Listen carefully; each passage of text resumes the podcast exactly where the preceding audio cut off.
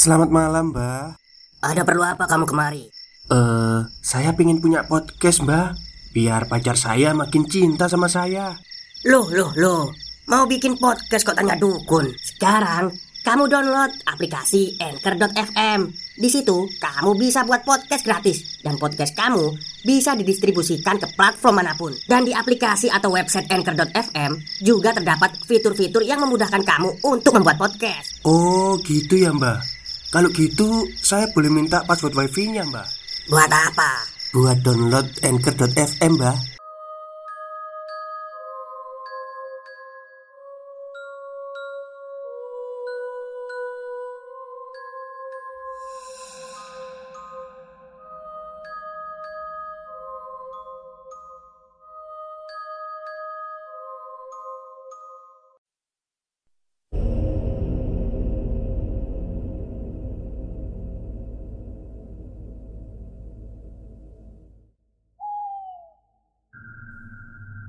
Assalamualaikum warahmatullahi wabarakatuh. Halo semuanya.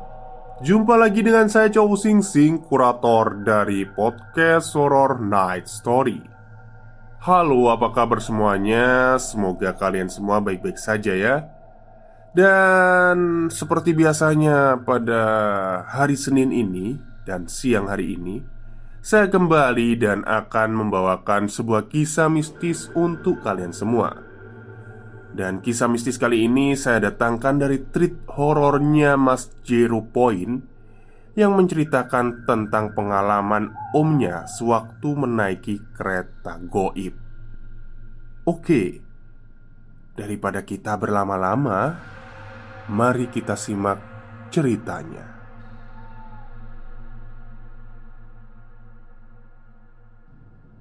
Mas, ngapain jalan malam-malam di tengah rel? Dari mana? Tegur Pak Iting Hah? Saya naik kereta api kok pak Dari Cikini tadi turun di stasiun Depok Jawab Hakim Apaan? Orang mas saya liatin dari ujung jalan kaki sepanjang rel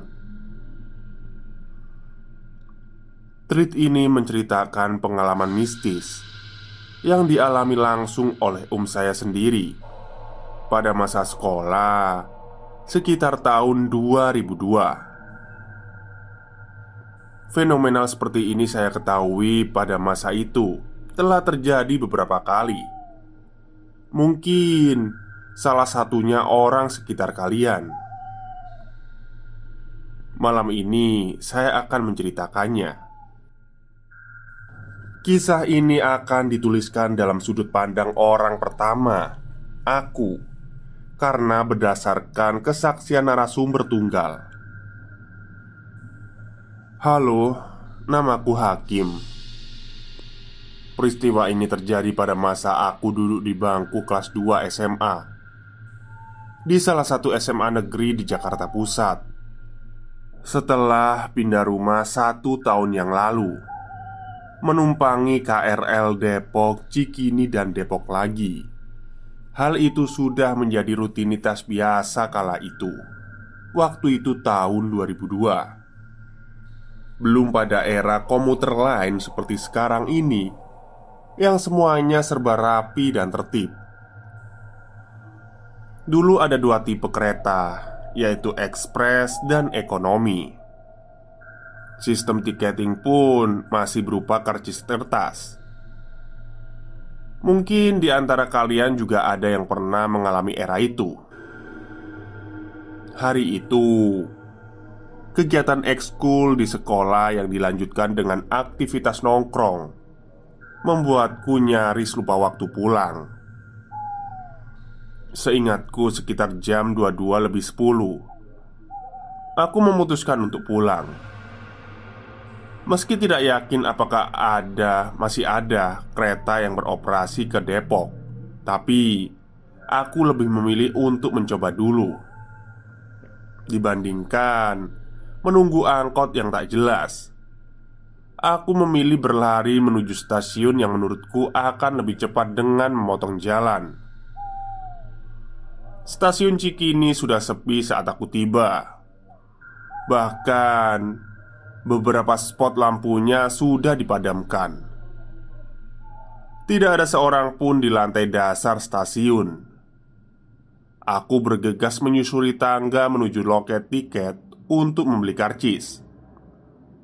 Samar-samar, dari kejauhan loket tampak sudah gelap.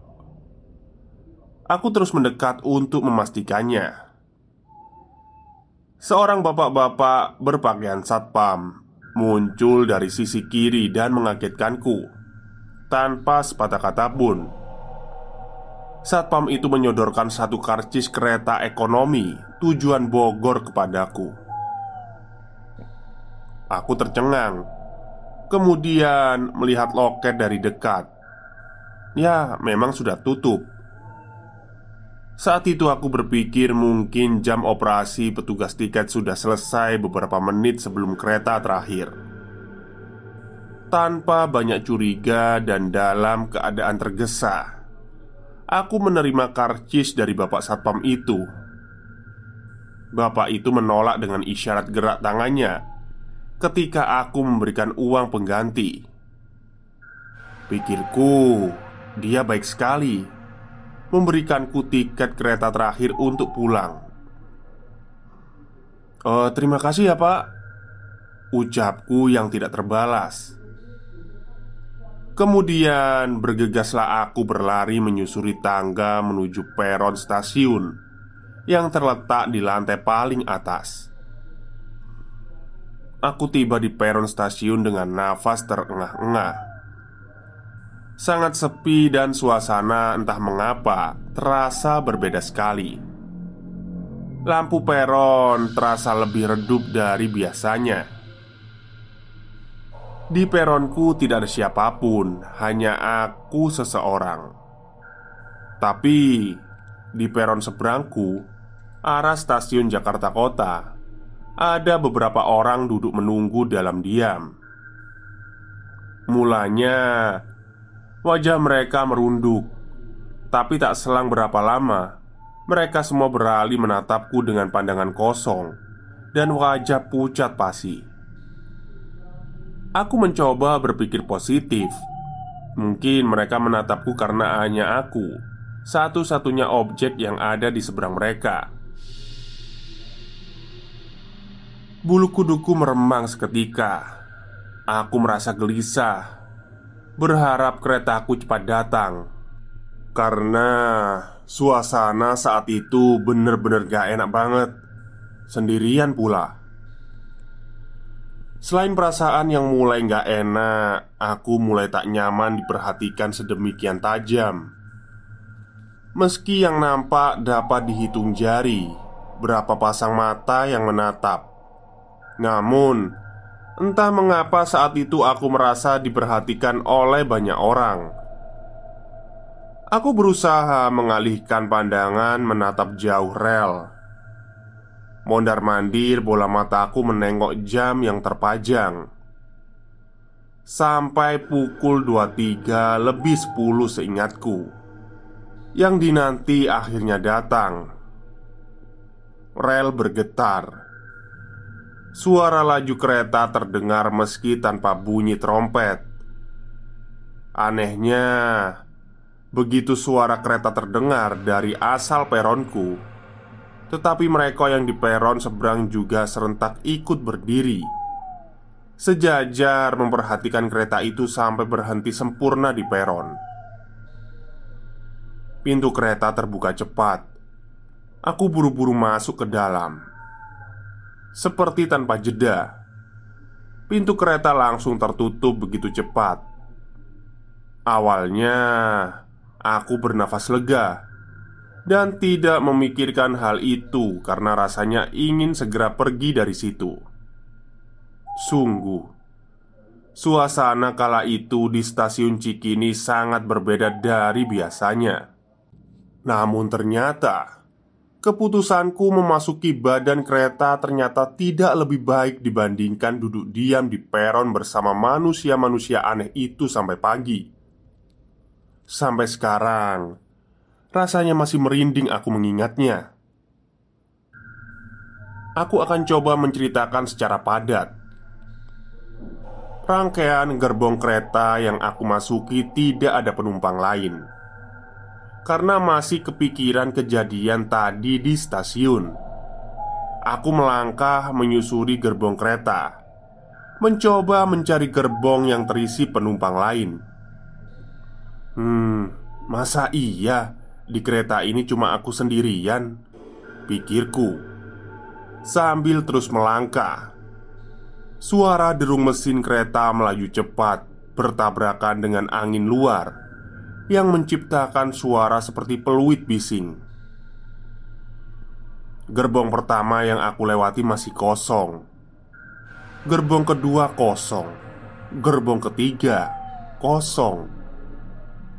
Barulah pada gerbong keempat, aku bisa sedikit menghela nafas di gerbong keempat ini agaknya aku sudah hampir berada di rangkaian kereta kedua paling akhir Aku melihat Rangkaian gerbong kereta paling ujung akhir Sudah padat banyak orang. Cuma Yang aku bingung di sana Orang-orang penuh sampai ada yang berdiri. Padahal Di gerbong setelahnya Gerbong tempatku berdiri masih banyak kok kursi yang kosong. Karena fisik sudah capek Aku tidak mau terlalu memikirkan Dan memilih untuk duduk di kursi paling sudut dekat pintu. Beberapa orang yang ada di baris sisi kiri kanan menghadapku Duduk dengan wajah tertunduk. Hmm, mungkin mereka lelah Pikirku saat itu.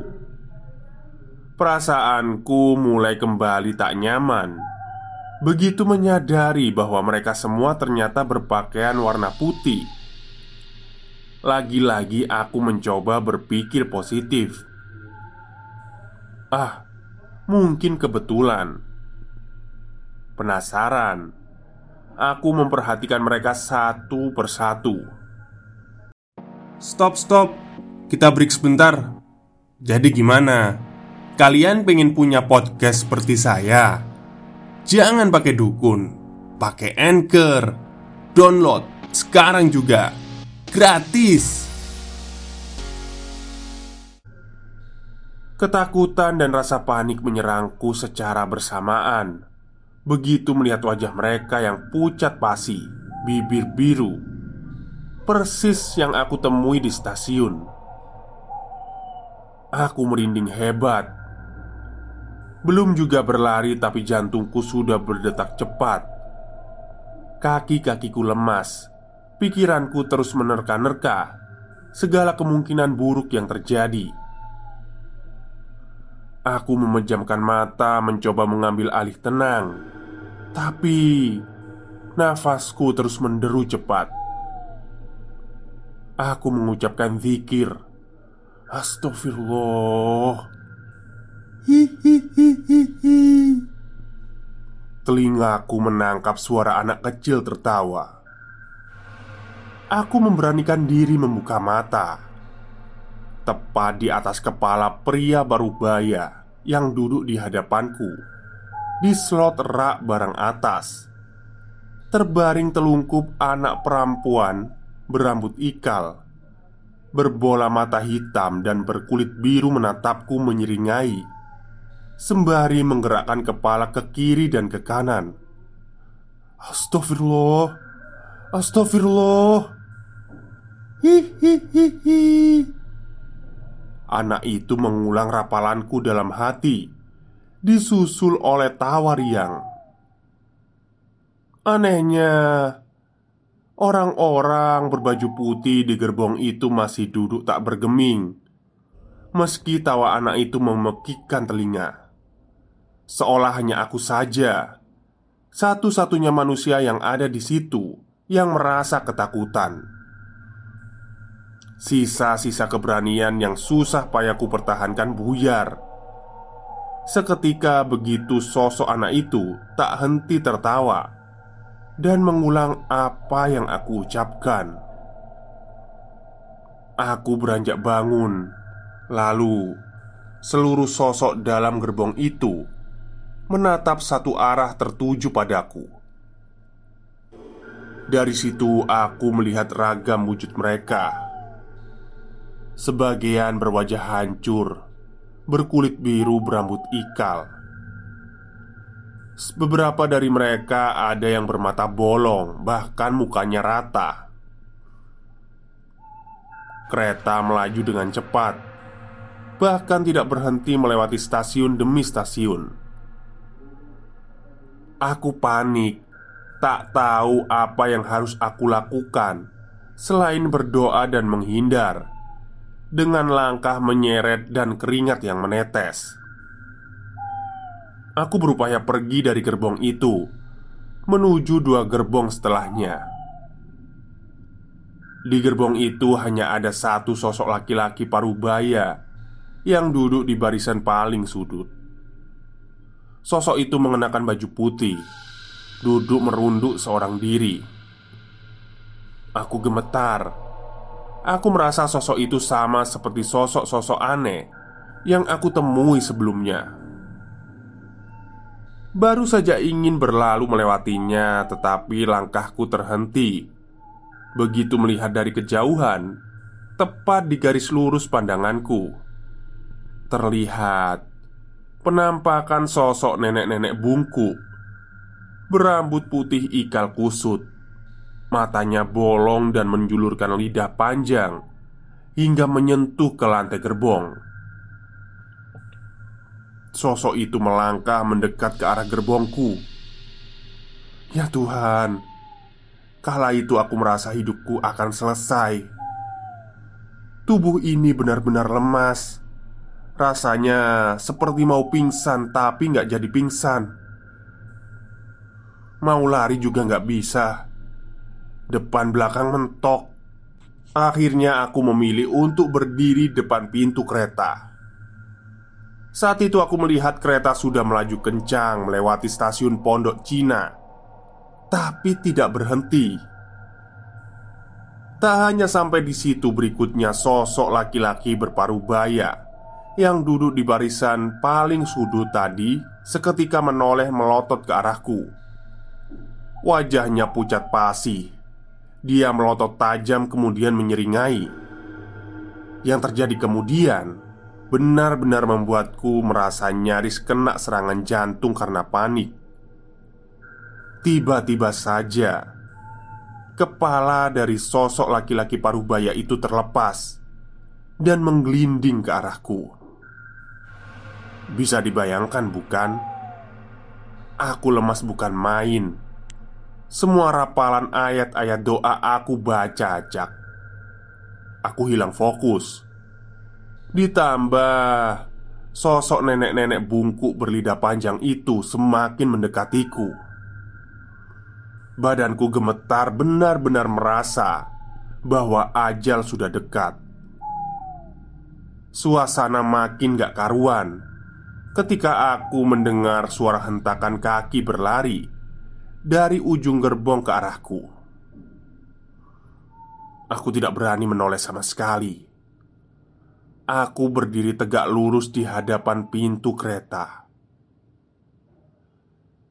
Suara derap lari itu semakin mendekat. Lari, lari! Suara sentak wanita bergaung entah bersumber dari mana.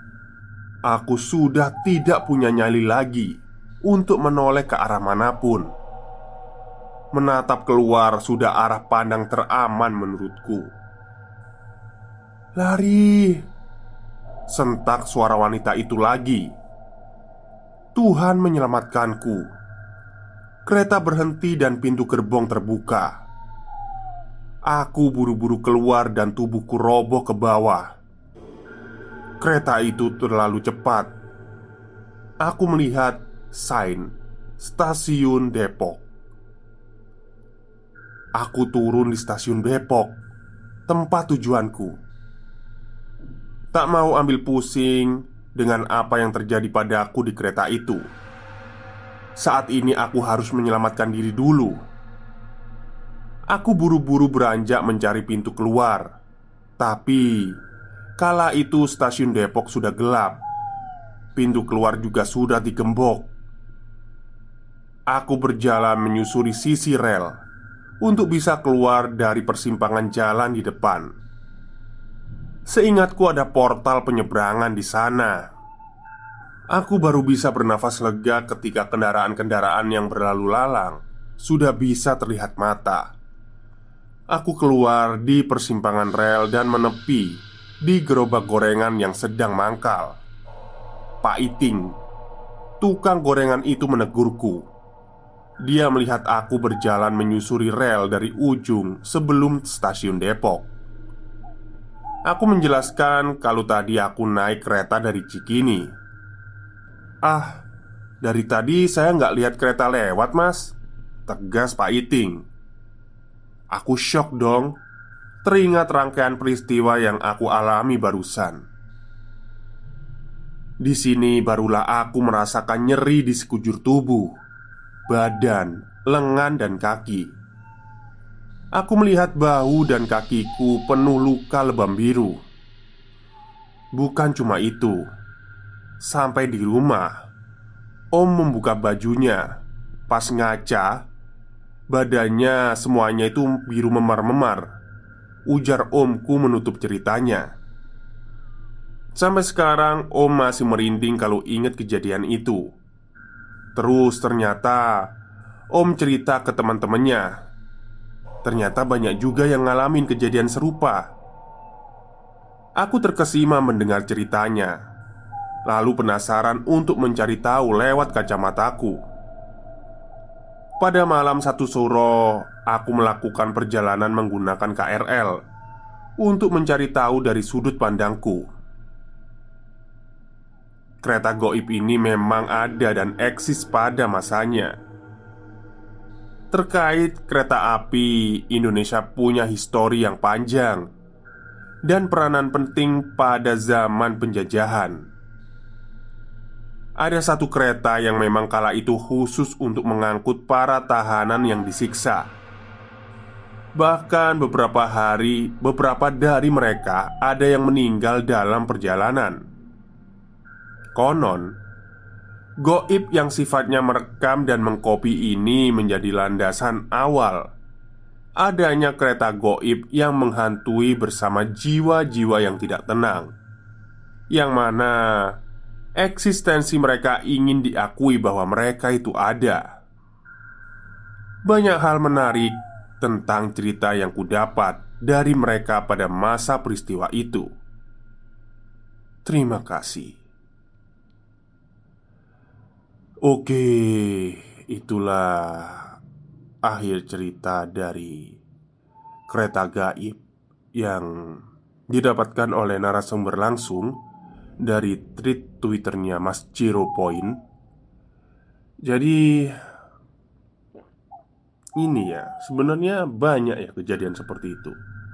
Di daerah Surabaya pun ada pernah ada itu. Katanya itu dia itu dari Sidoarjo ya Pokoknya stasiun Sidoarjo Terus ke, ke Gubeng atau Pasar Turi gitu ya lupa.